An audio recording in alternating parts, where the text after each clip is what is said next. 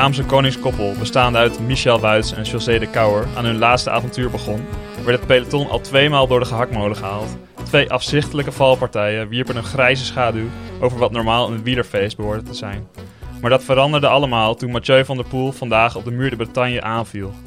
Welkom bij de Kermiskoers, de podcast met je broodnodige dosis wielerduiding en actualiteit door je favoriete Groningse studenten. Mogelijk gemaakt door de mannen van KVM Media nemen wij op in de uiterst moderne studio aan de Groningse Paatswolsweg. Ik ben Niels de Jonge, tegenover, tegenover mij zit Thijs van den Berg, Hoi. Ronald Hienrichs Hoi.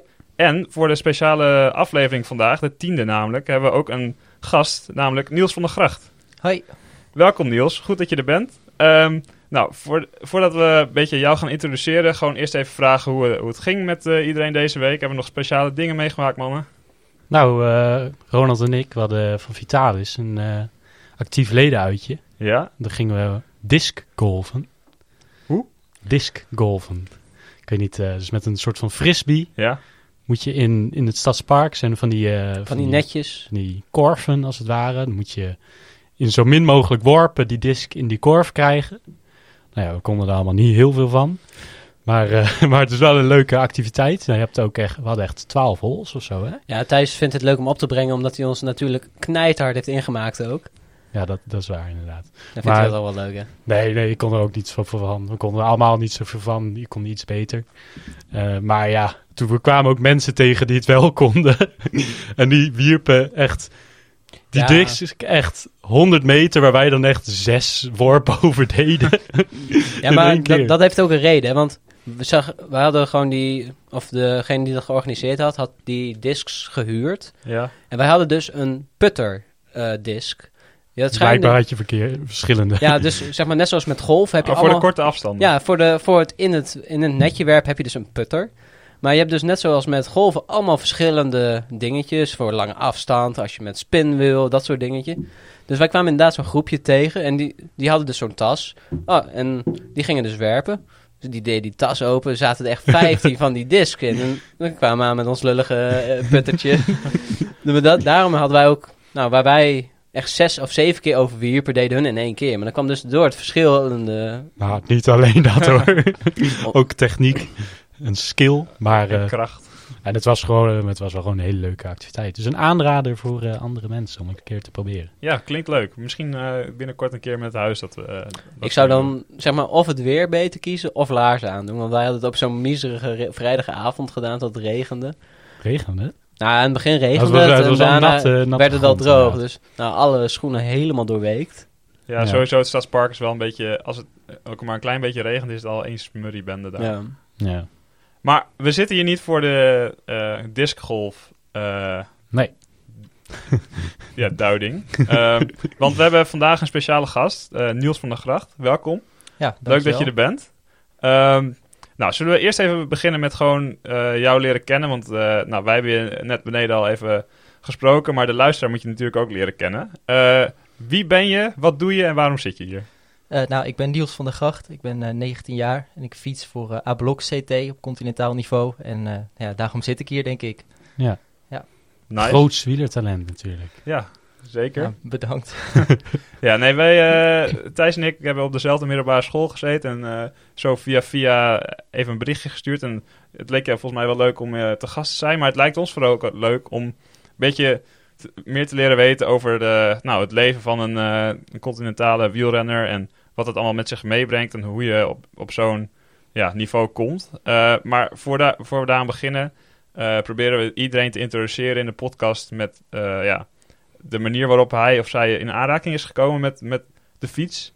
En ja, met zijn favoriete wielermoment. Dus allereerst, hoe, hoe ben je zo aan de fietsen verknocht geraakt? nou, ik ben net als jullie, denk ik, eerder wielerfan geworden van het op tv kijken. En eh, daarna pas zelf begonnen. Ik denk, eh, ik heb, ja, de eerste herinneringen aan wielrennen zijn al heel vroeg voor mij. Ik denk eh, 2008, Tour waarin Carlos Zo. Sastre won. daar, daar kan ik me wat vaak van herinneren. Komt het door tegen Schlek, die duels. En, eh, Die zijn Ja. heel mooi. ja, Zeker. Ja, zeker. Kijk, Dus zet, toen, eh, zet je dan zelf de tv aan of eh, keek je mee met Ja, je vader? Dat Of- zijn gewoon herinneringen, eh, tot en met Contador Select, zeg maar, van wat ik, eh, wat ik meekreeg van mijn ouders. Maar ik denk Ja. vanaf 2012, 2013, Tour van Bouw en Lauw 2013, dat ik toen eh, echt zelf ben begonnen met volgen.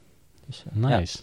Ja, en vanuit daar is eigenlijk, eh, nou ja, de passie voor het wielrennen ontstaan. En ik ben zelf in 2016 begonnen met, eh, met fietsen van wedstrijden.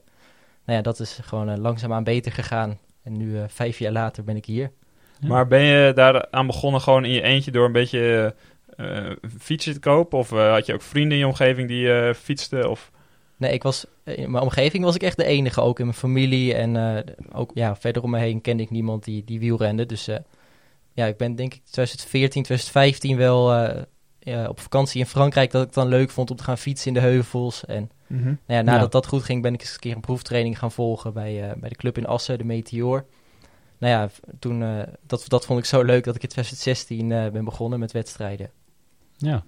Gaaf. En eh, nou, in je jarenlange ki- het kijken van, eh, van wielrennen, heb je dan ook één moment dat, dat jou typeert of eh, wat je echt eh, aan het hart ligt, eh, dat je met ons wilt delen? Iets dat je gewoon heel Mm. goed kan herinneren Ja. misschien. Ja, een goede vraag. Eh, ik denk dat de eerste tour die ik volgde, dus echt heel fanatiek, was 2013. Daar, eh, ik denk dat daar misschien wel het belangrijkste moment was, denk ik, de beklimming van de Mont Ventoux, waarin eh eh, Mollema en Ten Dam goed in de achtergrond reden als Nederlanders. Mhm. en, eh, en Froome die won heel overtuigend. Maar ja, meer recent, ik denk, het wielermoment wat ik eh, langer nog het meest ga herinneren, is denk ik van de Poel in de Amstel Gold Race. Toch wel een moment wat heel veel mensen... Ja. Ja, heb je dat live gezien? ja, ja, zeker. Ja, Oh, dus fijn. dat was echt een kippenvel momentje. Hoe die dat, over tien jaar vragen we van... Waar was jij toen Van de Poel de Amstel won? Ja. Ja, ik denk dat iedereen... eh, ik weet ook nog waar ik was inderdaad, bij mijn opa en oma. Te kijken. ja, ik zat in de auto, maar dat, eh, het commentaar was ook wel heel spannend. Net zoals bij een voetbalwedstrijd of zo. Het maakt het soms nog wel spannender als je niet ziet wat er gebeurt, maar Ja. gewoon moet wachten op, op het commentaar van de, van de radiocommentator.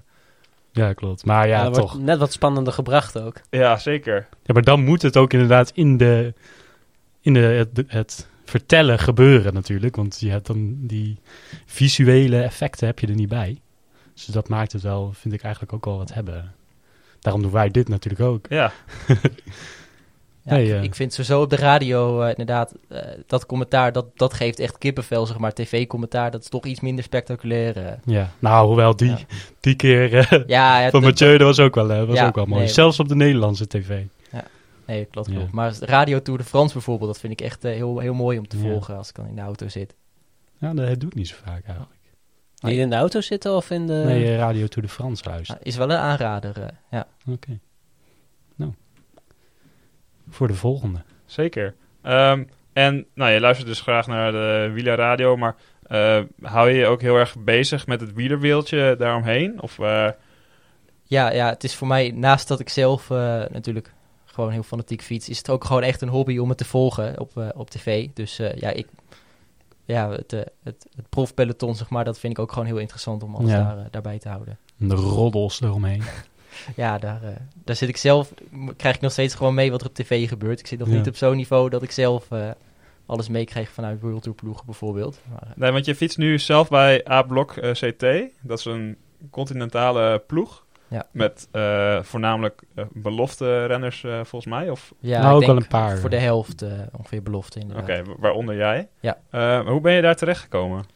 Eh, ja, nou, ik ben sp- 2016 begonnen met fietsen. Nou ja, vanuit de ja door de jaren heen eh, maakte ik dan stappen, zeg maar. Ik denk dat ik 2018 als nieuweling eh, voor het eerst echt een beetje in de kijker kwam. Toen eh, ben ik overgestapt naar eh Street Jump Development Team, waar ik eh, als eerste en als tweedejaars junior heb gereden. Mhm. En eh, toen ik daarheen ging, toen wist ik al zeg maar, dat dat een ploeg was die verbonden was aan eh, het toenmalige Monkey Town CT. eh, wat nu A-Blok is geworden. Dus toen had ik Ja. wel ergens de hoop van misschien kan ik over twee jaar doorstromen. En nou ja, vanuit die ploeg ben ik inderdaad daar in de kijker gekomen. En eh 2020 was het dan als, als tweedejaars junior voor mij. waren er geen wedstrijden om het te bewijzen. Maar gelukkig, Nee, hoe, hoe echt helemaal niets? ja, ik heb in, in maart heb ik één wedstrijd gereden. Voorbereidingswedstrijd. En in eh, september vier. Ja, Inclusief een tijdrit. Dus ja, dat is het hele seizoen geweest voor mij. ja dat is wel... Zo, dat is wel karig inderdaad. ja. Eh, maar ken je ook eh, mensen om je heen die, die nou, mede daardoor niet bij een goede ploeg terecht zijn gekomen? Of heb je heel veel geluk gehad? Of zijn er toch wel middelen om jezelf te, te laten zien dan? Ja, ik denk dat ik inderdaad wel eh, deels geluk heb gehad. Ik, zit natuurlijk wel bewust bijvoorbeeld bij, een, eh, bij, bij Street Jump dan bij junioren, omdat ik weet van daar, eh, daar zijn contacten om naar bijvoorbeeld continentale ploegen te komen. Maar er, zijn, ja, er zullen vast in Nederland inderdaad mensen zijn van een vergelijkbaar niveau die dan net een- de verkeerde kant eh, van de streep zijn gevallen. Maar Ja. het is natuurlijk nog geen ramp. Ik bedoel, het zijn ook genoeg jonge beloften die, die nu net bij een clubteam zitten. Die rijden gewoon een redelijk vergelijkbaar programma met, eh met beloften bij continentale ploegen. Dus uiteindelijk gaat het erom dat je bij de belofte nu weer presteert. Ja, En vervolgens eh, misschien prof kunt worden. ja en, en er zijn nog genoeg mensen die ook op eh, latere leeftijd toch nog die stap kunnen maken. Dus zelfs als je nu niet eh, gevonden wordt, kan dat altijd nog. Zeg, je kan ook eerst eh, stratenmaker zijn, zoals Liewe Westra. En Ja, was hij dat? Ja. Hm. Die wel, had eerst gefietst. Toen was het toch niet. Is hij nou, gaan werken, straten maken. Had hij, had hij net bij die wedstrijd net een gat in die weg eh, ja. laten zitten, Maar, zodat hij de mij had hij toen ook gewoon gerookt in die, in die tijd dat hij stratenmaker was. Maar later toch weer gaan fietsen. En toen Oh, nog ja. weer prof geworden. Ja, maar vroeger rookten toch alle profs? Nou, dat weet ik Nee. Best wel veel. Maar tien jaar terug eh, denk ik nog niet. Nee, dat Nee. Dan heb je het denk ik eerder over de jaren tachtig. Trouwens, die, die eh, marathonloper, Björn Koreman, die, volgens mij rookt hij nog steeds. Echt? Ja, en die had gewoon een Olympische limiet. Hij probeert volgens mij wel te stoppen. Ik weet ook niet zeker hoor, maar die eh, rookte in ieder geval vrij recent. Zou wel dus het kan wel. zijn. Maar eh, doe maar niet. Ehm, maar als je ehm, bij eh A-Blok bijvoorbeeld fietst, ehm, hoe, hoe, kom je, hoe kom je daar terecht? Wanneer is het moment dat je denkt van, oh, ik ben nu wel echt serieus aan het fietsen, dat ik aanspraak kan maken op zo'n positie en ga, je, ga je zelf dan een berichtje sturen of word je, word je geappt? Of, eh, Ja, Eh, ja, in mijn geval, ik was eh, als junior natuurlijk wel bezig met proberen mezelf in de kijker te rijden door, door goede resultaten neer te zetten. Nou ja, en het plan voor mij was eh, om in 2020, inderdaad als, als laatste jaar als junior, eh, het jaar waarin het moet gebeuren dat je in de kijker moet rijden voor belofte ploegen, om daar, eh, nou ja, om daar goede resultaten neer te zetten. Dat kwam er niet van. Toen ja, was ik zelf eigenlijk bezig van nou, april, mei. Eh, moet ik nu contact op gaan nemen, mailtjes sturen bijvoorbeeld naar, eh, naar continentale ploegen. En ja, en eigenlijk net voordat ik daar eh, mee wilde beginnen, werd ik, nam A-Blok zelf al contact met mij op. Dus eh, dat, dat maakt het een stuk gemakkelijker. ah, nice. Maar dat is ook wel een mooie Ja. blijk van vertrouwen dan, dat ze al wel jou in de gaten hielden. Ja, dat, ja, dat klopt. Ja. hoe dan? Gewoon in een... Werd je gebeld? Of ja, ik werd gebeld. Ja, Oh. klopt. Ja, is eh, manager van A-Blok aan de lijn? ja Paul de Bak. eh, Ja. Ja. Nou, dat, dat, hoe reageerde je daarop? Eh, verbaasd wel, eh, ja. Ja, toch wel? Ja, ik, eh, ik werd gebeld door een vreemd nummer. Ik zat volgens mij op dat moment midden in, een, in een les, een online les eh, voor mijn studie. Dus eh, ik twijfelde, Ja. ga ik opnemen, ga ik niet opnemen? Ik nam op. Nou, dat, dat bleek de goede keuze te zijn. eh. Ja, straks denkt hij van, ah, hij neemt niet op. Oké, dan probeer Volgende- een andere. hij gaat gewoon een lijstje af. Ja. Misschien Ja. was hij, hij wel de vijfde die belde, had al een lijstje. ja. ja, wie weet. Nee, het was de goede keuze om op te nemen, ja. ja. Maar dat is, jij studeert dus ook. Ja, klopt. Ja, aan, de, aan de Universiteit in Groningen. Economie en bedrijfseconomie doe ik in het eh, tweede jaar. Kijk. Nice, dat klinkt eh, best serieus. En daarnaast ben je ook nog dus best wel vaak aan het fietsen. Hoe, hoe houd je dat eh, allemaal in balans?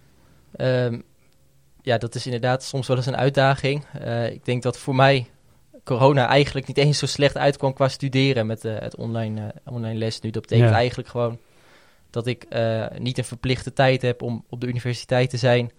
Maar dat ik gewoon eh, mijn dag zo kan indelen dat ik eerst train, dat ik daar omheen nog studeer. In, Ja. plaats, van, eh, in plaats van andersom.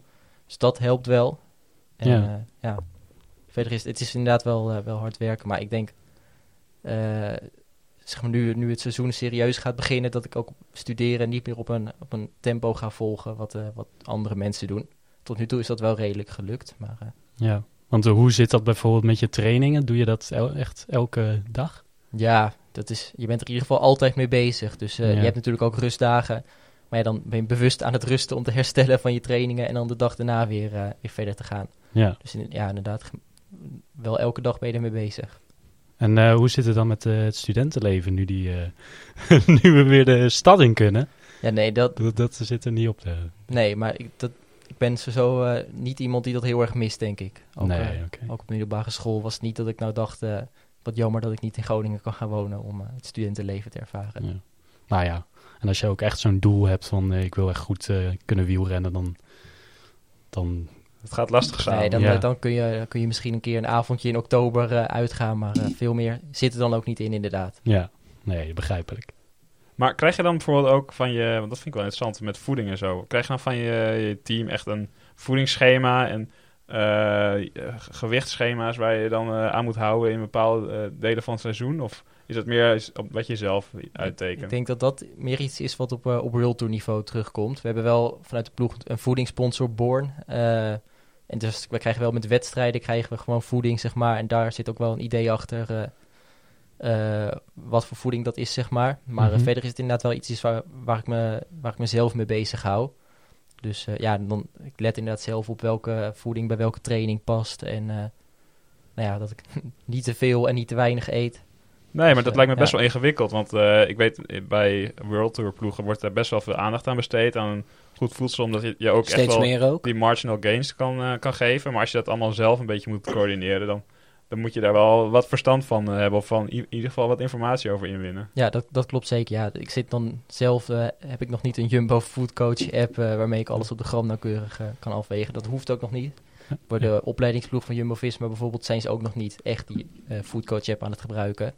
Dus ik denk dat in deze fase van de carrière, als je 19 bent, dat het belangrijker is om gewoon goed te eten, niet te weinig, niet, nou ja, ook weer niet te veel natuurlijk, maar dus dat je inderdaad wel gewoon ervaring opdoet met, met goed eten, maar dat het Ja. toch iets minder belangrijk is om alles op de gram nauwkeurig af te wegen. Ja, je moet dat natuurlijk ook nog- helemaal niet leuk. Nee, je moet Nee, ook een dus- beetje plezier houden in het leven. Nee, dus dat is iets wat je kan doen als je 26 bent en je, en je wil er echt voor gaan eh, om te presteren Ja. in je carrière. Maar dat is in deze fase nog minder belangrijk. Je lichaam is ook gewoon nog aan het groeien. Ja, klopt. Ja. Dus als je dan ook te weinig eet, dan doe je alleen maar roof bouwen op je lichaam ook. Nee, nee, klopt. Te weinig is zeker nooit goed. eh, Ja. dus dat, eh, Mooi. Ehm, en ik, eh, ik zag in je re- resultaten op Pro Cycling staat dat je afgelopen week het NK hebt gereden. Ja, Of eh, anderhalf week geleden. Ehm, wat, eh, wat was jouw ervaring daar? Want dat was je eerste NK voor belofte, volgens mij. ja, ik heb het NK op de weg en de, en de tijdrit gereden. Ja. De tijdrit was ook geen groot doel. Daar reed ik meer om, om te leren. Nou ja, het resultaat was ook niet zo goed. Heb je dan Maar, ook een, eh, echt een mooie tijdritfiets tot je beschikking? Of, Ja, eh, die heb ik eh, een kleine maand voor het NK tijdrijden heb ik die eh, gekocht. Dus eh, ik heb er in totaal, ik denk dat het NK tijdrijden was de zevende keer dat ik erop zat in totaal. Ah, dus dat nice. is geen ideale voorbereiding. Maar eh, Maar hoe zit Daar, dat bij A-Blok met qua materiaal? wegfietsen krijgen we gewoon van de ploeg twee. Of we hebben een trainingsfiets en een wedstrijdfiets. Maar Ah, ja. tijdritfietsen dan niet. Maar, eh, Ja, oké. dus dat, maar dat is ook logisch. Nee, gaaf. Maar ja, dus eh, ja, inderdaad, het NK tijdrijden, dat was voor mij geen groot doel. Daar werd ik, eh, het resultaat was ook niet zo goed door, door omstandigheden. Maar de, ja, de wegrit had ik wel wat van gehoopt. Maar dat, dat zat helaas, viel dat een beetje tegen. Maar ja, dat was mijn eerste wedstrijd bij de belofte überhaupt. Ja, Als eerstejaars. En ik heb anderhalf jaar lang daarvoor eigenlijk amper eh, wedstrijden gereden. Dus de omstandigheden waren ook niet ideaal. Ja, maar zag je dat ook aan de rest ja. van, de, van de groep, dat het gewoon heel nerveus was? Natuurlijk Ja. is een belofte koers sowieso al wat nerveuzer dan eh, World Tour eh, niveau. Ja, is dat zo? Ja, het is vooral meer vanaf het begin erin vliegen, Ja, zeg maar. oké. Dus dat, dat inderdaad wel. En daarom is het vanaf het begin af aan al heel nerveus. Ja. En de koers ligt vaak ook wel eerder in een plooi al. Maar ja, ik, eh, ik merkte inderdaad wel in de uitslag zag je vooral heel veel mensen die, eh, die al wel wedstrijdritmes zoals, hadden, zoals de Jumbo-Visma opleidingsploeg dan.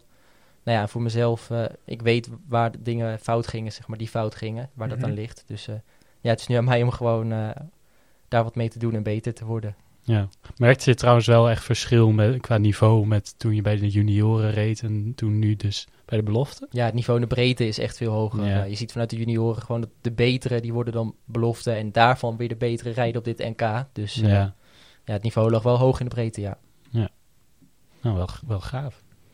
Zeker op dat parcours. Hoe, hoe was dat parcours trouwens? Ja, zwaar. Maar ik had, op zich is het wel een parcours wat mij goed zou moeten liggen. Dat eh, heel vaak zo'n kort explosief klimmetje op. Oh ja, want Dus, dat, eh, dat vroeg, eh, vroeg ik me ook af inderdaad. Van wat, voor, wat voor type renner ben jij eigenlijk? Ja, ik, ik ben natuurlijk nog redelijk jong, dus Ja. dat is lastig om daar een definitief antwoord op te geven. Maar ik, ik denk en hoop meer voor het Vlaamse werk, zeg maar. Dus daar, Oh, korte klimmetjes, kasseien liggen me goed. En eh, gewoon zware, lange koersen ook. Ah, gaaf. goeie- Ja, goeie want ik zag op, eh, op de website van Ablok dat het jouw favoriete koers ook de Ronde van Vlaanderen is. Hoop je die dan zelf ook ooit te, te kunnen rijden? Ja, dus dat, dat is zeker eh, een heel mooi doel om daar ooit aan mee te kunnen doen. Ja, en eh, ja, ik hoop dat ik daar inderdaad ooit mezelf Ja. kan laten zien. Dat soort wedstrijden. Minstens podium. Zou heel mooi zijn, maar ja. Nee, gaaf. Ehm, ja, je zit nu dus nu bij een continentale ploeg. Dat betekent dat je nog niet volledig prof bent, maar dat je wel in heel veel dingen wordt, wordt ondersteund. Ehm, wat, wat zijn de, de stappen naar een, een profcontract eh, die je de komende tijd waarschijnlijk wil gaan maken? Ja, ik ben zelf eerstejaarsbelofte ook nog. Dus dat betekent dat eerste jaar dat is echt een, een overgangsjaar waarin je went aan dat de koersen langer worden. Dat er heel anders gekoerst wordt. Bij de elite is het gewoon... eh, kijk, bij de junioren vlieg je er vanaf het begin in. En bij de elite nou, is het ook een beetje wennen aan eh, dat er wat meer gecontroleerd gekoerst wordt. Dus ja, dit jaar is gewoon echt een leerjaar waarin ik eh, ja, zowel fysiek eh, stappen moet maken als leren van, van ploeggenoten maar, hoe het eraan toe gaat. Dus nou, ik hoop dat Ja. ik dit jaar gewoon beter word en dat ik volgend jaar ook bij Ablok zelf ook kan resultaten kan rijden en gewoon mezelf kan laten zien. Nou ja, dan, dan hangt het er vanaf hoe goed dat gaat. Eh, of ik in aanmerking kom voor een eh, plekje hoger. Dus eh, Mhm. ja, als tweedejaarsbelofte al jezelf zo in de kijker rijden, dat, dan moet je wel heel goed zijn. Dus ik hoop vooral dat ik volgend jaar gewoon genoeg kan laten zien om, om meer kansen te krijgen op continentaal niveau. En dan wie weet in de, in de loop van de jaren zeg maar nog een profcontract ergens af te dwingen. Nice. Gaaf. En heb je nu ook al een, een idee van oh, als die ploeg aan zou kloppen volgend jaar? Of, eh, Dan zeg ik direct ja. ja, nee, maar heb je... Want, eh, ja, je hebt natuurlijk verschillende vibes en, en een beetje culturen bij verschillende ploegen. Heb je nu al een beetje het gevoel van, oh, dat zou me wel liggen? Ja. Ineos, dat wil ik echt niet. Ik ga echt niet knechten hoor. Nee, dat is nog, eh, nog heel ver weg. Dus daar, Ja. Die hebben wel een goed ik- CAO. Ja. Nee, dat, eh, dan wordt het inderdaad goed betaald, denk ik. Maar nee, ik- daar heb ik zelf helemaal nog nooit over nagedacht. Dat is nog zo ver weg. Maar eh, ja, ik ben zelf wel iemand die houdt van eh, gestructureerd, zeg maar, trainen. En dat andere dingen gewoon vrij gestructureerd zijn. Dus zeg maar, wat dat betreft, eh, misschien eerder dus. uh, Jumbo-Visma dan, dan Movistar, zeg maar, inderdaad. maar, eh, maar als Movistar nu komt, zeg ik ook geen nee, hoor. Nee, Dus, eh, nee. nee, dus- maar dat is nog zo ver weg.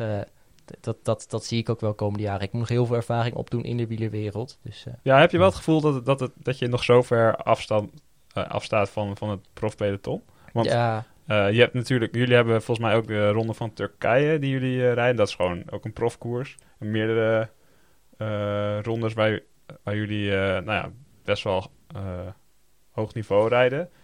Heb, je dan nog wel het gevoel van, het is echt nog een, een paar traces lager? Of heb je ook, heb je ook wel dat je echt eh, bekende renners tegenkomt? Nee, inderdaad, we, rijden wel vaak tegen, tegen World Tour ploegen. Dus eh, dat heb ik zelf nog niet gedaan. Ik heb zelf alleen nog maar het NK gereden. Dus dat is iets voor de komende maanden. Om daar eh, nou ja, die ervaring op te doen. Eh, maar ja, het, het, nee, het voelt nog wel heel anders op continentaal niveau dan, eh, dan echt zeg maar, het profbestaan van een World Mhm. Tour ploeg, denk ik. Ja. Nee, dat kan ik wel begrijpen inderdaad. Ja, zeker. Ehm, nou, dan hebben we volgens mij jou een beetje eh, leren kennen nu. Ehm, we hebben natuurlijk vandaag ook eh, op de bank een eh, prachtige etappe gezien. Ja. Ehm, we, we nemen het nu op op, op zondag, zondag 26, of 27 juni alweer. Gisteren hadden we natuurlijk een ja, enerverende etappe, maar vooral heel eh, pijnlijke etappe voor veel, voor veel renners. Heel veel, of ja, heftige valpartijen partijen vooral. Met een ja, mooie overwinning van Alaphilippe. Ja. Eh, maar vandaag hadden we echt een prachtig juichmoment. eh, en die gaan we even aanzetten. is toch niet waar? Het is wel waar! Het is Van de Poel die de Amstel Gold Race wint. He's a great time, Charles. He's proving he's a great rider as well. Oh, chapeau, Tom de Moulin. Kijk toch eens, Van Vleuten! Van Vleuten wint hier op de streep! Hoe is dit mogelijk? Zoals iedere week het juichmoment van de week. En vandaag hebben we daarvoor eh, het moment van Mathieu van der Poel uitgekozen. Die eh, ja, zijn eerste tour meteen al eh bekroond met een, en een etappe-overwinning en het mogen dragen van de gele trui volgende etappe. Ja. Ehm, ja, mannen, wat vonden we daarvan? Ja, even voor duidelijkheid, we zaten samen net te kijken op de bank. Dus het was zeker leuk om naar te kijken. En toch na eerder in de etappe dat hij al aanviel, toch een beetje onverwacht toch. Want ik dacht, zeggen, oh, toen hadden jullie hij, er geen vertrouwen meer in. Nee, Toen ging die aan op de eerste keer Muur de Bretagne. Nou, toen zagen jullie niet meer zitten. nee. want, eh, voor de duidelijkheid, wij hebben natuurlijk Van de Poel ook in ons poeletje. Dus dan eh, willen we wel dat hij even veel punten binnenhart.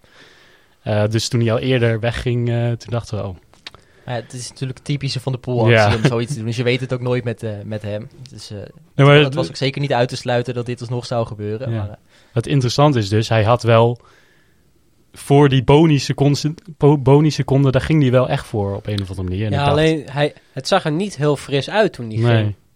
Maar hij had wel echt wel een grimas op het gezicht. En dan, Nee, Ja. het ging niet van harte inderdaad. Nou ja, het ging ook gewoon heel hard, dus dat kan ik wel begrijpen. Maar hij heeft dus, ja, door die boni heeft hij nu wel, eh, boni-seconde heeft hij nu wel geel te pakken, omdat hij nu ook die etappe heeft gewonnen. En ja, dat, eh, met zijn opa in gedachten zag je wel dat, hij, dat het een heel veel deed ook bij het interview eh, na die tijd. Ja, zeker. Hij was echt heel geëmotioneerd en hij kon eigenlijk bijna, bijna geen woorden Ja. uitbrengen. Maar ik was wel verbaasd dat het, dat het hem zoveel deed. Ja. Ja, het is lastig te zeggen. Het is, eh, die shirtjes, ze hadden shirtjes eh, om bij de ploegenpresentatie. Dat was eh, ter ere van... eh, Ja, maar die reden ze gisteren ook gewoon in. ja, dan hadden ze last minute toch nog toestemming van de UCI gekregen. Maar dat reden ze vandaag toch niet in? Nee, Nee, nee, ze hadden, helaas voor, ze vandaag- hadden Oh. voor één dag hadden ze toestemming gekregen. Oh, dat Maar gek eigenlijk. Van de Poel rijdt ook vaak in zo'n criteriumpakje. Dat is dan een iets ander pak dan gewoon een normaal broekje shirt combi. Maar hij zei ook van ja, ze gaan dat nu speciaal laten maken. En als die niet op tijd is, dan, dan rijden we gewoon in een normale kitje. ja, het scheelt Ah. toch weer wat qua aerodynamica. ja, en het was net op tijd. Ja. Nee, maar om, van- terug te komen Van de Poel en hoe eh, geëmotioneerd hij was, zeg maar. Ja. Je, je zag bijvoorbeeld ook anderhalf jaar terug nu toen, eh toen Poelidor overleed. Ook in de, in de cross al, dat hij eh, toen echt wel heel geëmotioneerd was, zeg maar. Bijvoorbeeld ook, ik denk dat dat de wereldbeker was in Tabor. Die won hij toen eh, vlak nadat, eh, nadat zijn opa overleed. Dus eh, wat dat betreft was het ook wel logisch Ja. natuurlijk dat hij nu in de Tour... eh, Zeker nu het de Tour Ja. is natuurlijk. Ja. toch de wedstrijd om, dat, eh, om hem te eren. Ja, nou, en een prachtige eerbetoon heeft hij ook gegeven. met zo'n indrukwekkende overwinning eigenlijk. Ja. En nog een eh, beste vriendenomhelzing met Pogacar. Ja, en Alaphilippe natuurlijk. ja. Ja, dat, dat was meer een vriendelijk... Nou, dat was wederzijds respect. Ja, maar de andere was wel echt best friends, eh, leek wel. Maar ja, dat moeten we misschien even... Maar je kan zulke gasten beter te vriend hebben dan eh, te vijand, volgens mij, in Ja, het peloton. Dat is waar, inderdaad. Want- Eh, Wordt denk ik niet leuk als Pogacar achter je aan gaat rijden met zijn ploeg. nee, Nee. maar eh, sowieso, ja, er waren echt best wel veel klassementsmannen die ook eh, meegingen daar, eh, daar naar boven. Dus Ja. eh, achter Van de Poel kwamen Kelderman, eh Roglic en Pogacar eh, samen aan. Ja, jij- zei Niels dat het jou heel erg verbaasde dat eh, Kelderman zo goed mee kon. Ja, nou ja, verbazen, dat is eh, deels wel, deels niet. Want je ziet natuurlijk al weken, het hele seizoen al is hij al goed. En in de Dauphiné maakte hij een hele goede indruk. En eh, ja, hij kan natuurlijk wel wat op, eh, ook op dit soort eh ja, puncheur aankomsten. Maar, eh, maar ja, dus dat hij zo goed was dat hij gewoon twee seconden van de rest nog wegrijdt met eh Roglic en Pogacar. Dat had ik echt niet verwacht, nee. Dus dit, eh, Ja. dat geeft echt wel hoop dat hij misschien niet voor top 10, top 5, maar echt voor het podium eh, kan gaan rijden, denk ik. ja, dat belooft veel. Ja, want de hele ploeg heeft ook zijn vertrouwen in Kelderman uitgesproken. Ik vond het eerlijk gezegd al verrassend dat eh Bora met hem als kopman, echt uitgesproken kopman, naar de Tour ging. Terwijl ze ook nog best wel andere mannen hebben die je als kopman daar kan uitspelen. Maar eh, ja, hij heeft, vorig jaar heeft hij het goed gedaan in de Giro, wel even er doorheen gezakt. En zijn ploeg die hem nog even verder weg. Ja. Ehm, maar eh, ja, misschien dat het ook wel met zoveel vertrouwen vanuit de ploeg dat het, dat het hem sterkt of zo. Nou, Ja. Kelderman heeft vooral altijd het probleem dat hij heel veel pech heeft. Ja, Dus als, als hij gewoon op de, op de fiets blijft, dan eindigt hij gewoon hoog. Maar Ja. gebeurt meestal niet. Nog steeds het grootste Nederlandse wielertalent, hè? Na Niels. Nee. Ja, na, na Van der Poel, denk ik. eh, ja. Nee, maar als gisteren zie je die etappe, nou, wel, weliswaar een gekneusde elleboog was het volgens mij, maar als hij, als hij die twee grote valpartijen overleeft, dan, eh, dan betekent, betekent dat wel dat er voor Kelderman heel veel moois aankomt, Ja. denk ik. eh.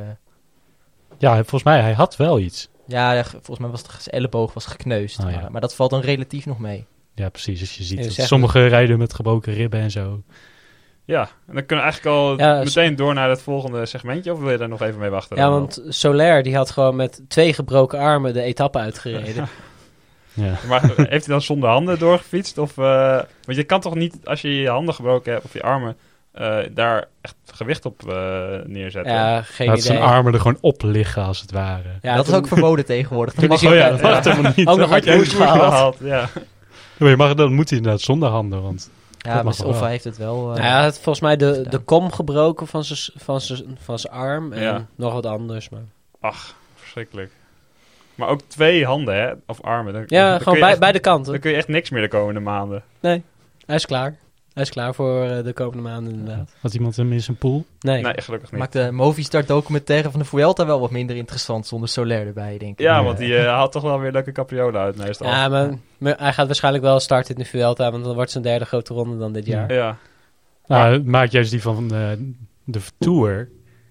Want nu is, hebben ze Mas, Lopez, Valverde. Valverde en ze hadden Soler. Dat is wel jammer dat hij... eh, ja, maar het is toch een hele mooie mix dat je Lopez hebt, die, die volgens mij uitgesproken had die, dat hij nooit meer wilde, of nooit wilde knechten in ieder geval voor iemand. is- ja? Ja? Dat is eerder een uitspraak van Landa. Ja, Nee, ik dacht dat Lopez ook wel iets vergelijkbaars ja dat. Ja. geloof ik ook wel. En Valverde, die, die vertikt het ook om eh, echt werk te doen. Eh, Ja, Nou, heeft in de voorbereidingskoersen deed hij het wel. Ja, ja. Hij, Valverde doet dat gewoon af en toe hoor. Ja. Zelfs, eh, zelfs Mas. Toen in, in de, was het de Dauphiné? Ja, Ja, klopt. Ja, in het Valverde en Mas werkte toen Ja. wel voor Lopez. Maar, eh, maar ja, Valverde wordt dan wel stiekem zelf nog tiende of negende ja, algemeen. precies. Dus Dus, dan denk je, eh, weer, ja, nee, je hebt niet alles gegeven voor je kopman dan. nee. Het is geen eh, parkeermeter zoals Kwiatkowski of zo. Nee. Nee. Vandaag was trouwens ook eh, een jongen van Alpes in Phoenix. Die deed alsof hij van de pool was, maar die mocht ook lekker parkeren Ja. op de muur. Ik weet niet wat het idee was inderdaad. Misschien inderdaad om te foppen of zo. Ja, het was gewoon een prank. Ja. Nee, maar er zou vast een gedachte achter hebben gezeten. ja, als Van der Poel zich goed voelt, maak je op die manier wel de beklimming iets harder. eh. Dat, dat is waar inderdaad. Ja, en vooral heel hard voor zichzelf. Want hij stond echt helemaal stil daarna. Ja. Ehm, even kijken hoor. We hadden het net over de vallen en opstaan. En dan kunnen we meteen eigenlijk door naar het volgende eh, segmentje. Het sleutelbeentje van de week. Ja, in het sleutelbeentje van de week bespreken we iedere week een eh, ja, ongelukkige valpartij of iemand die ongelukkig eh, het asfalt heeft geraakt. En dat is deze week, nou zijn er heel veel eh, renners die ongelukkig het afval- asfalt hebben geraakt. We hadden ze voor het uitkiezen. Ja, maar het- we hebben toch gekozen voor Chris Froome, die ja, eigenlijk al in een gemankeerde status aan de Tour begon. En Ja. nu eigenlijk ook al klaar is. ja. ja, jij lacht Thijs, maar ik vind het wel triest hoor. Ja Zo'n grote het, is- het was een lachje van hoe triest het Ja, eigenlijk is. Ja, want... oh. Je verwacht, zeg, je hoopt zeg maar stiekem dat hij het beter doet. Maar je houdt toch wel in de rekening mee van... Nou, hij gaat waarschijnlijk op het Ja. eerste bergje wat hij tegenkomt, wordt hij eraf gefietst. En dan is het gewoon sneu, zeg maar, tot het door zo'n massavalpartij gebeurt. Ja. Je hoopt inderdaad gewoon dat hij gewoon hier zijn Tour de France weer ging pakken. Ja, want hij staat nu- Iedereen gewoon geprankt had eh, dat hij helemaal eh, slecht was en gewoon heel goed is. Ja, hij staat nu op 26 minuten al. Ja. Dat is toch veel? Ja, maar hij was ook niet voor het klassement natuurlijk. eh, Nee, maar dat zeiden ze natuurlijk gewoon om de verwachtingen laag Ja. te houden. Wegkapitein Chris Froome. Ja, Ja. Maar ik moet wel zeggen dat ik toch wel heel veel respect heb hoor, voor hoe hij eh, Ja, toch nog probeert terug te vechten. Dat is echt wel, als sportman eh, is dat wel heel, eh Oh is ja, wel echt een voorbeeld zeg maar, voor, Ja. voor heel veel mensen denk ik. ik ben ook nog steeds fan van Froome. Ik gun hem echt nog wel ooit, eh, ik, ik, acht de kans niet groot, maar gewoon een etappe om zijn carrière mee af te sluiten in de Tour, dat zou heel mooi zijn. Ja, nou dan zou een etappe misschien nog wel het hoogst haalbare zijn, denk ik. Ja, ja, Nou, ja, ja, Ik, ik- geloof er nog steeds. Oké, Ja. Heb, je heb jij hem in je poeltje dan? Nee, dat die niet. man is echt wel Kijk, daar gaat het geloven, hè? Nee, maar ik geloof gewoon niet dat hij dit jaar hem heeft hij nog nodig. Om...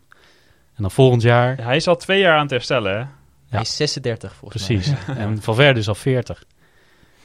Dus, Dus hij heeft heeft Ja, hij maar- nog vier jaar. Ja, maar kijk, het verschil is, Valverde is wel een halfgod, hè? Die, die rijdt over 20 jaar nog steeds. Ja, dat is waar. Nee, maar ik, eh, mijn respect voor Froome is alleen maar groter geworden na zijn valpartij. En ik moet zeggen, eh, ik, ik begin nu pas te missen wat voor renner hij eigenlijk was. Want hij was echt een grote kampioen die, nou ja, de afgelopen tien jaar wel eens de beste klassementsman was. Ehm, en hij heeft ook ehm, ja, zijn manier van, van aanvallen. Ja, dat was niet echt geliefd natuurlijk met die, met die Sky-tactieken. Maar eigenlijk is hij gewoon wel een hele mooie renner. En Ja. ik denk ook dat hij nog niet de... de ja, de... hoe- zeg je dat? De, Ja, de waardering. de waardering Ja. heeft gekregen die hij eigenlijk verdient. Ik denk dat voor veel andere sporters, of in ieder geval ook wielrenners, dat het al anders is. Want hij is natuurlijk echt een echt een voorbeeld sportman. Gewoon echt, hij doet, geeft alles ervoor. Hij doet, eh, probeert, eh, nou ja, dat, dat is dus wat mensen niet heel leuk vinden. Dat hij inderdaad de metertjes gebruikt. Ja, er zat Nee. gewoon geen romantiek in bij hem. Nee, maar dingen als de, de waaierrit met Sagan eh, en Botnar en Thomas Precies. toen. En de afdaling op de buis. En eh, de solo in de Giro, waar die ja, helaas wel Dumoulin... Ja. Wat nou geen romantiek, Ronald? Nou, dat zijn echt een paar etappes van... Ja, nou dat doet Quintana maar- maar niet hoor. nou, die wil het wel, maar... Quintana eh, probeert het wel. Hij probeert het. Ja. Nee, maar gewoon de manier van toen Sky, dat, daar zat gewoon geen romantiek in. Dat was gewoon ja, maar dat is omdat niemand... kopfietsen. ja, maar dat was omdat niemand zo goed genoeg was om, daar, om Nee, klopt. Maar, maar daar, zeg maar, ik denk dat heel veel mensen dat gewoon, gewoon niet... Het was gewoon niet leuk om naar te kijken. En daardoor krijg je... Ik denk dat daardoor mensen iets minder waardering ervoor hebben. Gewoon omdat de manier waarop het gebeurde gewoon niet leuk was om naar te kijken. Ja. Ja, maar, maar- ik denk dat het vooral dan is... Dat is, dat is niet Froome zijn schuld natuurlijk. Nee, En- zeker niet. En die niet-waardering, dat is vooral door de Fransen... die eh, Ja. Ja, natuurlijk een hekel hebben aan... Ja. Maar het maakt het extra zuur, denk ik, dat hij, gewoon, dat hij in de beste, verreweg de beste en verreweg de rijkste ploeg reed, zeg maar. Dus die Ja. komt het inderdaad dood controleren. Maar eh, die, die drie dingen die we net opnoemen, dat- dat vind ik toch wel... eh, doe dat maar eens in een carrière, zeg maar. Daar, wordt, daar gaat hij wel aan herinnerd worden. ja. Maar ik denk nog steeds dat hij niet klaar is. Nee? Ik, ik vrees- Froome ik- Vuelta 2000, 38. 2023 Nee, wordt hij derde. nee. Hij had zelf volgens mij de hoop uitgesproken om deze Tour te rijden, om eh, wedstrijdritme op te doen en dan een Vuelta voor een klassement. Maar eh, we gaan het zien. Ik denk Eh, het ik acht de kans ook klein, maar... Ik, als, we, als hij de Tour uitrijdt, dan mag hij wel blij zijn. Zeker nu hij ook gevallen is en eh, wel weer wat last heeft. Hij heeft, hij heeft wel een YouTube-kanaal trouwens. Ja, dat is best leuk, maar dat ziet er een beetje... ik heb nog nooit gekeken. ziet er te gelikt uit. Ja, volgens mij heeft hij daarin een keer eh, zijn eigen fiets van zijn ploeg heeft hij afgekraakt. eh. dat is Oh. Ja, wel klopt. leuk om te kijken. Ja, Ja. Oh, dan moet ik maar eens ja, gaan da- kijken. ja, daarin inderdaad. gaf hij vooral aan dat hij, eh, dat hij nog niet zo fan was van schijfremmen, maar dat het moest van zijn van zijn Ja, klopt. Hij had zo'n hele rent over dat schijfremmen kut zijn eigenlijk.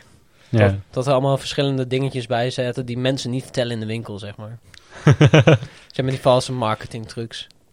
Nou, dan is het wel, eh, dat is wel leuk om... eh, Ja, maar hij, hij heeft dan ook een beetje een soort van vlogje dat hij maakt over zijn eigen trainingsritjes en zo, toch? Eh, ja, best wel leuk op zich dat, dat je dat doet. Maar toch heb ik niet het idee dat hij echt een, een social media voorbeeld is, net zoals eh, andere bekende sporters of zo. Het is niet dat Hmm. iedereen naar hem opkijkt in dat opzicht, volgens mij. Nou, ik denk wel dat het voor sommige mensen die dat misschien kijken, dat die daardoor toch meer, zelfs meer eh, aan hem gehecht raken. Dus Ja, maar ik denk dat hij vooral iets minder een spectaculaire held is, zeg maar. Het is Ja. niet een Van der Poel die op eh, spectaculaire wijze wint, of een Alaphilippe of een Van Aert. Het is toch eh, Het is gewoon Ja. meer een oerdegelijk. deg- ja, degelijk. Ja, dat is het goede woord, denk ik. Bere- berekenend ook. Ja. Dus Ja. daarom, dat is net iets, net iets minder spectaculair om, eh, om mensen fan van hem te maken. En het is natuurlijk bij Froome, het is nooit echt, er zit nooit echt een climax aan zijn winst of zo. Want hij, is dan, hij rijdt dan gewoon vaak weg. En dan is hij gewoon de beste bergop. Nou ja, nu niet meer, maar Toen- Vroeger. ja. Terwijl inderdaad zo'n Van der Poel die dan echt eh, op zijn laatste moment, zijn laatste sprintje, dat soort dingen. Dat is natuurlijk even wat meer energie erin. En dat snap ik wel dat je daar ook meer, eh, meer fan van bent. Ja, ehm, over de, de rest van de, eh, zijn voormalige ploeg Ineos. Ehm, die deed het niet zo goed vandaag. Want Nee. We hadden eh, volgens mij eh, Thomas die op 20 seconden binnenkwam. Eh Poort die op nou, nog wel wat verder eh nou, er staat afstand nog kwam. vij- 15 seconden tussen. En Tao Gegenhard, maar die was gisteren eigenlijk al eh, zijn tijd kwijt. Wat niet zo erg was volgens mij voor Thomas. Nee. Voor Thomas zeker niet. nee. Ja, met Thomas dat moest nu in cash betalen. Maar eh, ik ben benieuwd wat ze, daar, eh, wat ze hier gaan beslissen. Want Carapaz staat er wel nog bij, of niet? Carapaz zat erbij, ja. Dus eh, Die heeft eh, 15 seconden nu op eh, Thomas. Ja, tijdrit, tijdrit is te afwachten natuurlijk, wat Thomas Nou daar kan. Maar, eh, maar ik denk dat Carapaz wel, eh, eh, ook van tevoren al met wat hij in Zwitserland liet zien... en wat hij vorig jaar de Vuelta liet zien, in de Giro daarvoor al... dat dat wel de belangrijkste schakel is om eh, ja. toch nog iets te kunnen proberen. Maar ja, dus zijn ze wel de kracht van het blok zijn ze kwijt. Dus dan is het toch lastig om, eh, Nou ja, als, om de als, Slovenen te kraken, zeg ja. maar. maar als Thomas nog een goede tijdrit Ja, en, neerzet... en, en er zit ook nog maar 10 seconden tussen hun. Hè? Ja, het is te vroeg om, ze- om Ja. één af te schrijven. Maar als, als dit een indicatie is voor het vormverschil binnen die ploeg... dan, dan zou ik als Ja. ploeg wel zeker eh Carapaz goed ondersteunen. Maar het kan natuurlijk ook laten zien dat Thomas een geweldige derde week gaat hebben. Dus eh, ik denk niet, dat ze, ik denk niet dat lang. ze nu al zeggen dat Carapaz eh, alleen kopman is. Nee, dat zeker niet. Dat heeft ook helemaal geen zin. Maar Nee. het is toch, voor Thomas zijn dit eigenlijk wel de aankomsten waarin hij juist eh, nou, best explosief... Ja, hij, Ja. hij zou hier niet normaal tijd verliezen. Het is niet eh, Hij won, zoals Hij- vroeger, zeg maar. Hij zou eerder nog tijd winnen. hij won inderdaad zijn tour toen eh, altijd om in de laatste kilometer gewoon weg te springen. En gewoon als haar eigenlijk naar boven de laatste sprintje te doen. En daardoor pakte hij eigenlijk de meeste tijd. Ja, het is niet dat hij echt in beklimmingen op minuten voorsprong eh, Nee. komt. Nee, nooit. Nee. Nee, Sky, degelijk. Ja, daar Ja. zijn we. Ja. Dan zijn we weer terug. daar. Degelijk en berekenend. Nou ja, als, dat, eh, als ze daarmee winnen, dan eh, hebben ze al het recht natuurlijk om dat te doen. Maar dit jaar hebben ze het wel een beetje tegendeel bewezen dat ze het ook eh, anders willen aanpakken. Dat, nee, de Giro hebben ze dat ook gedaan met hoe Bernal reed Ja. natuurlijk. Dus, eh, ja. Maar toch, Het was leuker om naar te kijken. Ja, maar dat is meer omdat Bernal een leuke renner is dan dat Ja. zij die ploegtactiek echt actief uitspeelden, volgens mij. het is nu de hele tijd, ja, we gaan anders rijden, gaan meer aanvallend en andere renners uitspelen. Maar als je bijvoorbeeld ziet naar eh, waar toen Yates en Poort en Thomas, was gewoon weer hetzelfde treintje eh, die naar boven werd gestuurd. Ik weet niet welke Ja, dat was. Catalonië was dat. Dat was, Catalonië, gewoon, ja. dat was trouwens gewoon pure overmacht. Ja, Ja, als dat je- ook. als Met 1, drie 2, man op het podium. Ja, als je 1, 2, 3 staat in het klassement, dan hoef je ook niet heel Nee. veel aan te vallen, denk ik. Dat ja. is zeker waar. Maar ik ben toch benieuwd Als als, het 4, 5, 6 was, was het een ander verhaal geweest. Ja, precies. ik ben benieuwd als, als Carapaz bijvoorbeeld blijkt de beste te zijn.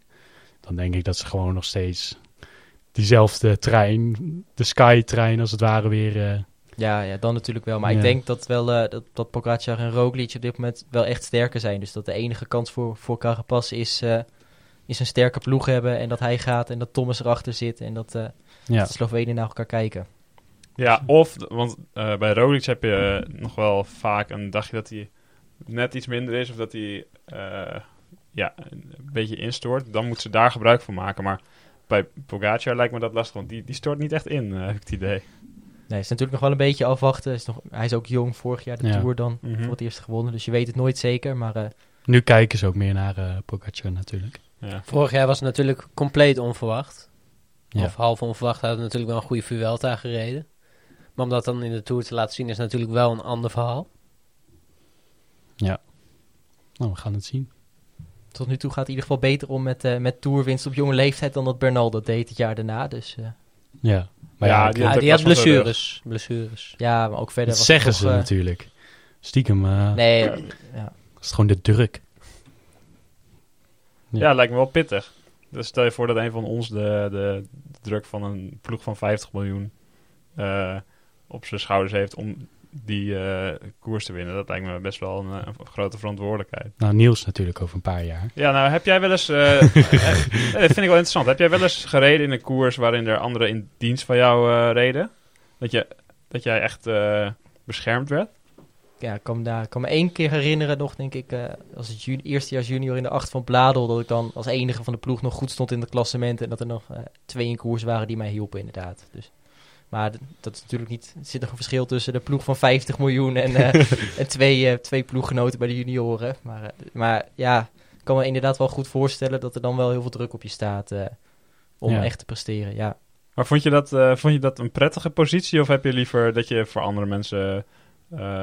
ja, vuur... nee. Ik denk dat het, dat het niet fijn is om altijd in elke koers waar je rijdt kopman te zijn en altijd voor de winst te moeten rijden. Dat, in dat opzicht snap ik bijvoorbeeld wel dat Dumoulin, die had daar bij Sunweb moeite mee. Die dacht, nou als ik naar Jumbo ga, dan misschien ben ik een keer kopman, dan ga ik een keer knechten en eh, dat fijner is. Maar Ja, ja, natuurlijk, uiteindelijk ben je wel topsporter om, eh, om te proberen zelf te presteren. Dus ik denk dat, je, dat iedereen wel eh, op een bepaald moment, in, als je in een wedstrijd zit wat echt jouw doel is, dat je, dat je op dat moment wel ondersteund wil worden natuurlijk. ja, dat is ook wel logisch. Ja, zeker. Ehm, nou, zullen we dan nog even eh, bespreken wat er aan gaat komen in de Tour de France? Want er zijn heel veel ja, sprintetappes die ze erin hebben gegooid. Zoals eigenlijk een, normale Tour van tien jaar geleden eh, op werd gebouwd. Beetje saai eerlijk gezegd. Want dan krijg je weer van die zomerdagen dat je tussen de koersdutjes ook nog een beetje wielrennen aan het kijken bent, omdat het zo saai is. Ideaal voor de comeback van Cavendish. Ja, misschien wel. Maar het is, ja, het is wel een beetje armoetroef in dat opzicht. Want er zijn ook niet heel veel... Ja, er zijn wel beklimmingen, maar eh, niet heel veel leuke aankomsten in de, in de derde week. Dus ja, het spek- spektakel moet meer van de renners komen dan van eh, het parcours zelf. Maar op zich, kijk, je kan ook niet drie weken lang alleen maar eh, hele spectaculaire bergjes en Nou, dingen op in het Probeer je parcours. toch altijd weer in de Ja. Giro. Ja, kijk, vorig jaar probeerden ze dat in de Tour natuurlijk wel. Toen was Ja. in week 1 waren er ook eh, berg op aankomst naar berg op aankomst. En toen, eh, doordat het parcours zo zwaar is, eh, hielden de renners zich eigenlijk vrij rustig. En werd Ja. er gewoon niet gekoerst. Dus je weet het eigenlijk nooit. Ze rijden wel door Bretagne, dus er kan altijd wind staan. eh, en ik denk dat de tijdrit in week 1 dat dat ook wel wat toevoegt. eh. Maar inderdaad, wind. Ja. Dat zijn misschien nog wel mijn favoriete etappes. Als eh, mooie waaierstrijd. Heel nerveus. Nou, Ja, maar daar kun je als tourorganisatie op meer op hopen dan er echt op plannen. Want je weet nooit of dat echt zo gaat zijn. Ja. Voor hetzelfde is het gewoon een normale vlakke etappe. nou ja, met, met zeven sprintetappes. Moet er toch al eentje zijn waar een beetje wind staat. Dus eh, Nou, ze, zitten wel, ze starten in ieder geval in Bretagne. Er Ja. staat heel veel wind, dus eh, ze, ze doen in ieder geval hun best ervoor. ja. Zeker. Ehm, wat is jouw verwachting, Niels, over de, de, de Tour? Wie, wie gaat er winnen, denk je? Ik, eh, nou, dat vind ik heel lastig te zeggen. Ik denk dat Roglic en Pogacar echt heel erg aan elkaar eh, eh, gewaagd zijn. Eh, ik, ik gun het Roglic dit jaar wel. Ik, vorig jaar heb ik toch persoonlijk ergerde ik me wel een beetje aan eh, echt heel, heel erg controle van Jumbo. Ook op momenten dat het niet hoefde eigenlijk. ja. Dus toen dacht ik, nou leuk dat Pogacar wint en een keer wat anders. Niet de controlerende ploeg die wint, maar eh, ja, ik vind Roglic toch wel echt wel een hele mooie sportman en een, eh, echt, echt een voorbeeld, zeg maar. Dus wat dat betreft gun ik, hem, gun ik het hem dit jaar wel. En ik denk dat het ook een goede zet is dat hij eh, dit jaar geen voorbereidingskoers heeft gereden en gewoon lekker op hoogte is gebleven. ja? Dus eh, ja, ik denk er is nog wel mensen die denken van, ja. hoe, waarom nee, doet maar ik denk dat Roglic wel de afgelopen jaren echt heel vaak heeft laten zien dat voor hem, als persoonlijk zeg maar, Ja. dat, hij, dat hij gewoon altijd heel goed is als hij terugkomt van hoogte. Dat, is, nou ja, dat zie je nu de eerste twee dagen ook al, dat hij gewoon echt op niveau is. En eh, nou ja, bij de ploeg denken ze dat hij daarom in de derde week eh, Ja. misschien dit, dit, dit jaar eh, geen niveauverlies heeft of minder. Want dat, dat hoor je veel van die ex-profrenners die in andere tijden aan het fietsen waren. Die zeggen van, geen één voorbereidingskoers. Ja, wij reden echt zoveel wedstrijden al van tevoren om echt goed te zijn. En, ja, toen hadden ze eh, ook nog geen powermeters. Nee, Ja. nee, maar het is natuurlijk wel ook, het is ook iets persoonlijks. Want bijvoorbeeld Kelderman die heeft wel gezegd van ik heb het echt nodig om de Dauphiné te rijden en daar helemaal volle bak te gaan. En eh, ja. Daar win ik een paar procent, zeg maar, om in de, in de Tour op mijn best te zijn. Dus dat is gewoon echt iets persoonlijks eh, voor renners, denk ik. Ja, maar dat is dan wel inderdaad iets waar ze eigenlijk achterkomen na een bepaald een paar seizoenen. Ja, zeker bij wel- Roglic, die nog later in is gestapt. Ja, Ehm, ja, want je, je zag bijvoorbeeld in de Tour van, of de Giro van 2019, toen hij met Nibali eh, de- naar elkaar aan het kijken was. Ehm, toen had hij daarvoor Romandie en nog een andere voorbereidingskoers echt dik gewonnen. Maar toen zakte hij er echt wel doorheen in de laatste week. Dus dat proberen ze dan nu te ondervangen en het gewoon op zijn eigen manier eh, te doen. En ik denk ook, ja, voor iedere renner is dat verschillend. Want hoe, eh, hoe bereid jij je bijvoorbeeld voor op een, op een zware koers? Ehm, ik heb nog weinig, zoals die World Tour profs, dat ik echt naar één doel toe werk. Zoals dan, nou ja, Roglic naar een grote ronde toe werkt. Dus eh, ja. wat dat betreft heb ik daar nog iets minder ervaring mee. Maar ik denk inderdaad wel dat ik wat voorbereidingskoersen zou willen rijden. In mijn geval is het dan ook meer, eh, zeker bij de junioren, dat je naar eendaagse toe werkt. Dus dat is heel anders. Ik denk ook dat alle eh, specialisten in de Vlaamse klassiekers, zeg maar tegenwoordig in het World Tour peloton, die rijden natuurlijk ook gewoon het Tirreno of Parijs-Nice om, om goed voorbereid te zijn. Ik denk die, niet dat het daar eh, aan te raden is om van hoogte te komen en bam, Ja. de oude kwaremond te knallen. zeg maar. Nee.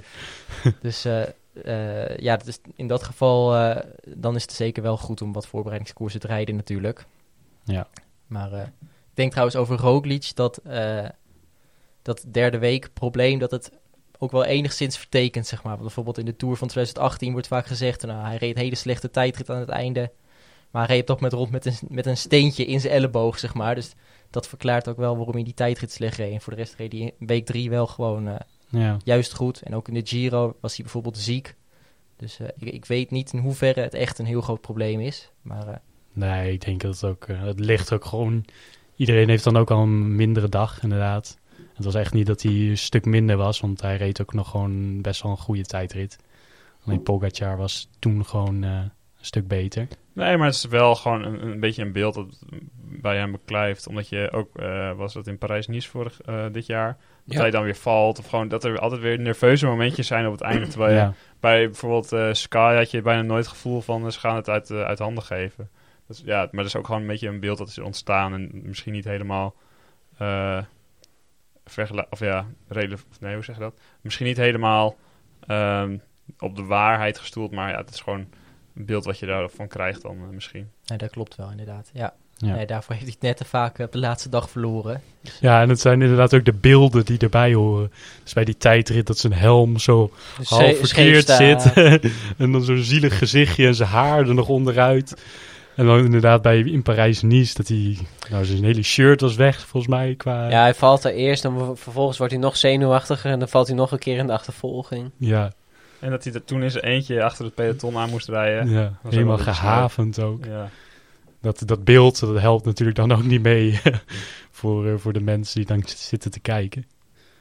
Eh, dus op zich snap ik dat wel. Maar ik denk inderdaad dat het niet per se iets is dat hij in de derde week slechter is of zo. Ja, dat gaan we deze tour zien. Ja. Hij, heeft deze tour, hij heeft wel zelf volgens mij gezegd dat, eh, dat hij wel enigszins merkte dat hij ten opzichte van bijvoorbeeld een Pogacar, dat hij eh, Ja, eh, in de derde week ietsjes minder werd. Of ten opzichte van zijn niveau in voorbereidingskoersen. Dus daarom, dat is ook de verklaring waarom ze nu hebben gekozen voor, eh, voor geen Dauphiné, geen Zwitserland, geen ronde van Slovenië. Gewoon lekker op hoogte. ja want dat deed uh, Pogacar wel, hè?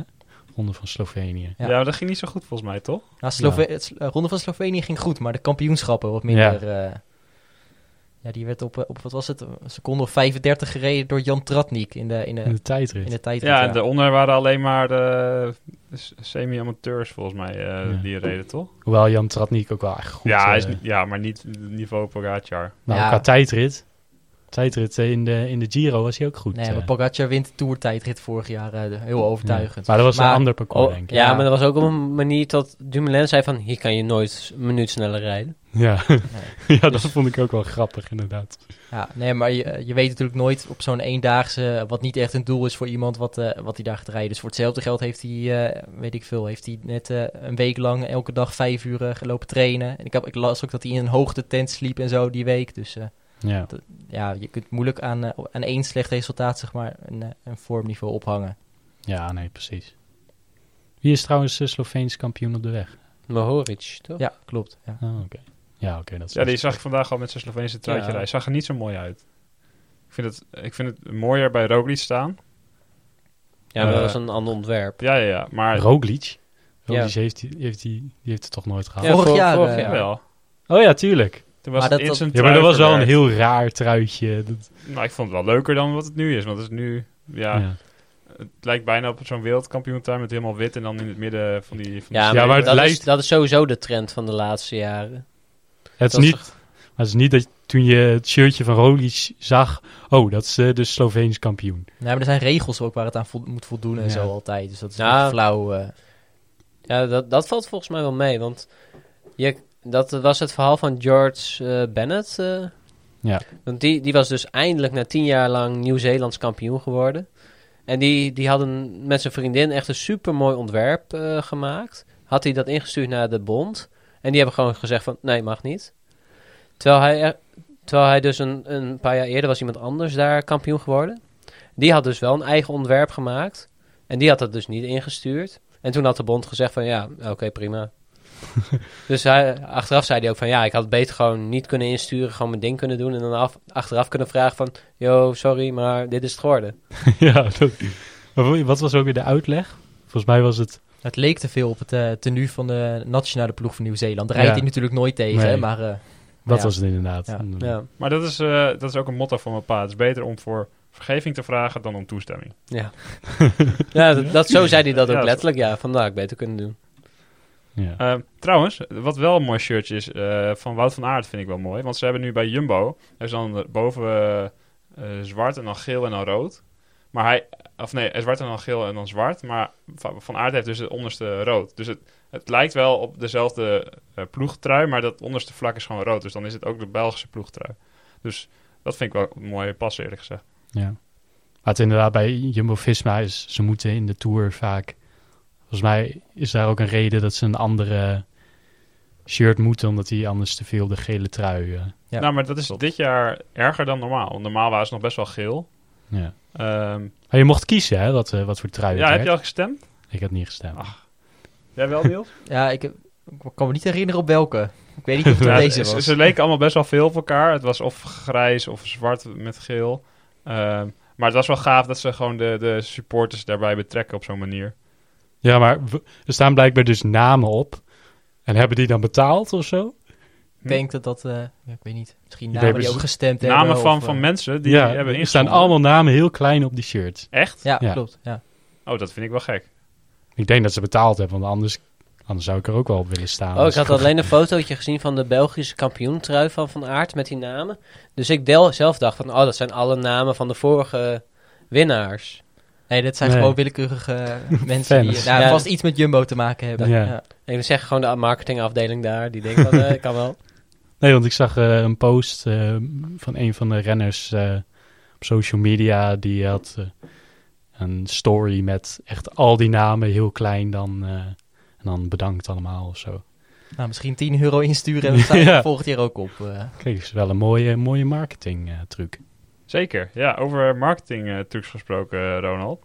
Jij had ook nog eh, iets meegenomen wat Jumbo-Visma had gedaan deze Tour, toch? Ja, want ze, ze hadden een teampresentatie. Nou ja, en ze hebben al die, nou ja, die foeilelijke cervelo's met die gele voorvork. Maar dan kwamen ze nu ook nog aanzetten met een blauwe voorband. Nou ja, en wij studenten kennen dat natuurlijk allemaal van Swapfiets. Die bieden gewoon goedkoop, of nou ja, goedkoop voor 12 euro kan je een, een fiets huren. En die, nou ja, als je dan pech hebt, de bel je ze op en dan krijg je een nieuwe. Maar blijkbaar is Swap dus ook een sponsor van Jumbo. Ja. En zij hebben dus geregeld van als promotiestunt om dat te regelen.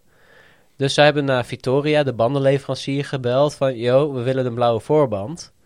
Dus die moesten al hun zwarte componenten uit die band halen... en daar blauwe, blauw spul in gooien. Zodat het zeg maar nog wel een goede band is. En dat hebben ze dus gedaan. Maar het is dus dezelfde band, of ze hebben een nieuwe band ervoor gemaakt. nou, nou, gewoon ze hebben een nieuwe band gemaakt. Ze hebben niet een oude band gerecycled. nee. Maar ze hebben gewoon ingrediënten ge- gewisseld. En het is dus ook de bedoeling dat ze met die blauwe band een paar etappes gaan rijden. Ze hebben nog niet gezegd welke etappes. Maar ze stonden al wel op de ouders als reservefietsen, volgens mij. Tony Martin reed naast zijn valpartij reed hij op een fiets met blauwe band. eh. Ja. Ja, dat, dat zou wel kunnen inderdaad. dat zou in de reservefiets. eh, Ja. ja. Ja, maar dat is dan denk ik het idee. Dat je, dat je als je fiets kapot is, dan krijg je een swapfiets. Een nieuwe. ja, dat is wel, Ja. ja. wel eigenlijk gewoon een verrekt goed idee. Ja, dat is wel waar, waar swapfiets voor staat. Volgens mij. ja. Nou, ik vind het wel een leuke sponsor. En je ziet ook in de reclames dat ze op die fietsen zi- zitten. Ja. In Jumbo soms. Ja, ik vind, ja. Ik vond het wel echt foei lelijk, maar het- het was wel een goede stunt. Nou, blauw met geel is wel een goede combinatie. Ja. Nee. Jawel, ik ga volgend jaar bij Donitas volleyballen en dat is ook Ja, maar kijk, dit, Dus een van, dit van die sluimerreclame van jou. Nee, nee maar... oh. Nee, maar die- nu is het er in het normale ontwerp van gewoon het geel-zwart. En dan hebben ze dat dan nog toegevoegd. En dan is het niet heel mooi. Nee, dat klopt. Daar is het ontwerp gewoon blauw en geel. Ja, dat, dat is anders. Ja. Want ja, ik, die fietsen zelf zijn al niet mooi. En dan met zo'n blauwe band, oh, ik kan wel janken. ik, ik vind het zo er niet uitzien. Nou, weet je, ik vind het wel leuk dat ze tenminste iets doen. Iets anders dan de, dan de rest. Ja, dat, dat is wel weer waar. Eh, even kijken hoor. Thijs, je had ook nog iets eh, gevonden op social media. Eh, maar dat was gewoon Ja. iets ge- wat gebeurd is gisteren. Ik weet niet of we het nog heel lang over willen hebben. Nee. Maar de vrouw met het bord. Met, ik weet niet wat was het. Hallo opa en oma of zo? Ah, Allee, opie, opie. Ja. Ja. Die eh, ongeveer het hele peloton eh, heeft doen vallen met haar bord. Nou ja, het was vooral haar arm natuurlijk. Die ze Nou, nee, dat bord kwam echt tegen Tony Martin. Ja, maar het was ook omdat ze haar arm dus, die had ze vast. En het bord, ja, Hing bo- boven, boven de Ja. weg, ja. Ja. Maar wat vinden jullie daarvan? Moet zij daarvoor vervolgd worden? Of is het gewoon ja. Ja. je afdoen met een, eh, Nou, ik vind, met een reprimande? ik vind dit wel echt dusdanig erg. Want ze staat gewoon echt met de rug ernaartoe. En kijk, als, je, als een paar renners te val brengt, weet je, dan kan je nog zeggen van... Nee, nee, nee. Dat is symboolpolitiek. Het gaat Nou, niet om nee, hoeveel renners er vallen. Het, is, Nee, het gaat dit- om de actie, niet om Ja. hoeveel er vallen. Nee, eh, gewoon nekschot. Nee, ik denk... Nee, het is niet dat zij eh, hier niet al dagen van wa- wakker gaat liggen, denk Nou, ik. Ik denk om, het wel. Om op, eh, ze moet eerst eens gevonden worden, want ze is weggevlucht, las ik. Dus Ja. eh, Ja, op dit moment, de politie is op zoek naar haar. Oh, ze wel? Hebben, ze hebben, ja, ze hebben ook... voor De, A- de ASO heeft ook een officiële aanklacht ingediend tegen haar. Hoor, dat is echt... Zeg maar, ze wor- de, het is echt de intentie om haar aan te klagen. Maar ik denk dat het meer dan is inderdaad omdat ze nu ook gewoon weg is gegaan. Want ja, het was, het was echt niet haar, haar was niet haar bedoeling. Nee, Nee, tu- maar- tuurlijk was het niet haar bedoeling, maar je moet ook nadenken van... is het slim om met mijn rug naar een peloton te gaan? Want je- ik zie een tv-motor voorbij komen. Nee, tuurlijk niet. Thijs, als je iemand aanrijdt in de auto, is dat toch ook niet je bedoeling? Maar dan moet je toch ook nog wel een soort van eh, Ja. verantwoording Nou, afleggen. Thijs mag hier dus niet op antwoorden van zijn advocaat. maar- Oh. Nee, oké, ja, zo snap ik het. Maar ja, dan moet je ook weer gaan kijken naar wanneer is, is vaker dat mensen een selfie gaan maken en dat het ook heel close is. Ja, maar het zijn wel, het zijn wel eh, 50 toerrenners, zeg maar. Er zijn misschien wel 100 die op de grond lagen, die hier eh, maanden naartoe geleefd hebben. Weet ik veel. Ja. Van eigen, nou, zelf eh, geïnvesteerd hebben in uh, hoogtestages hier naartoe. En Ja. dat, al die opbouw, die, ja, die verpest je wel gewoon op deze manier, zeg maar. Dus ik bedoel, als je in een andere sport... stel, weet ik veel, er zit een, een marathonloper en die, die is een wereldrecord aan het lopen. En vlak daar onderweg is er iemand die, eh, die, die rent de weg op en die houdt hem tegen. En dan, Ja. zeg maar, dan, en je bericht schade aan, dan, dan denk ik dat je ook gewoon opgepakt wordt en eh, voor die schade moet betalen. Ja, ik denk wel dat het een heel lastig... eh, Ja, tuurlijk. Want- want schade is dan nu bij...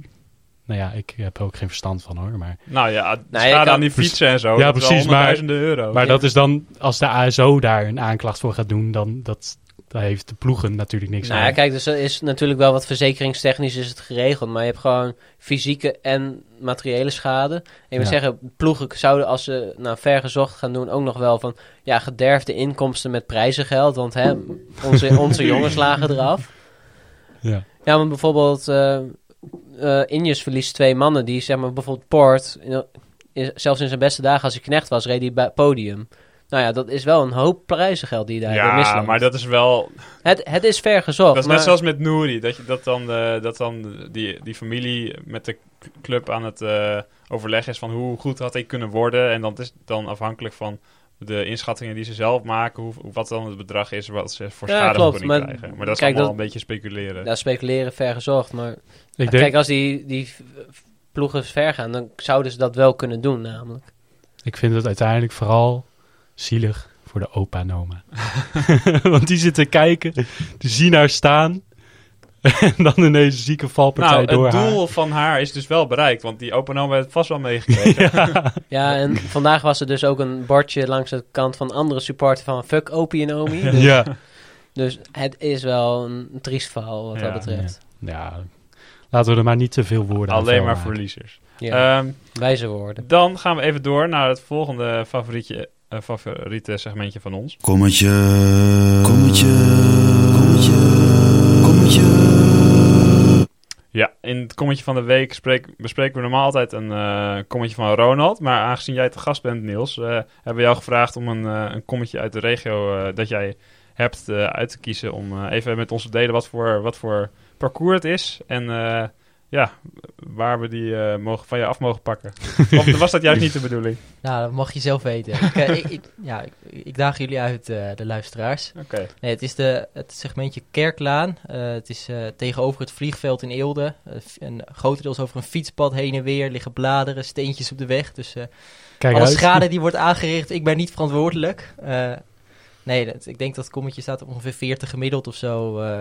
Ja, qua 40 snelheid. 40,3. dat was nog niet vol gas, dus als je hem afpakt, kom ik ervoor terug. Oké. eh, ja, Ja, mo- mooie battle, dat zie Ja. ik aankomen.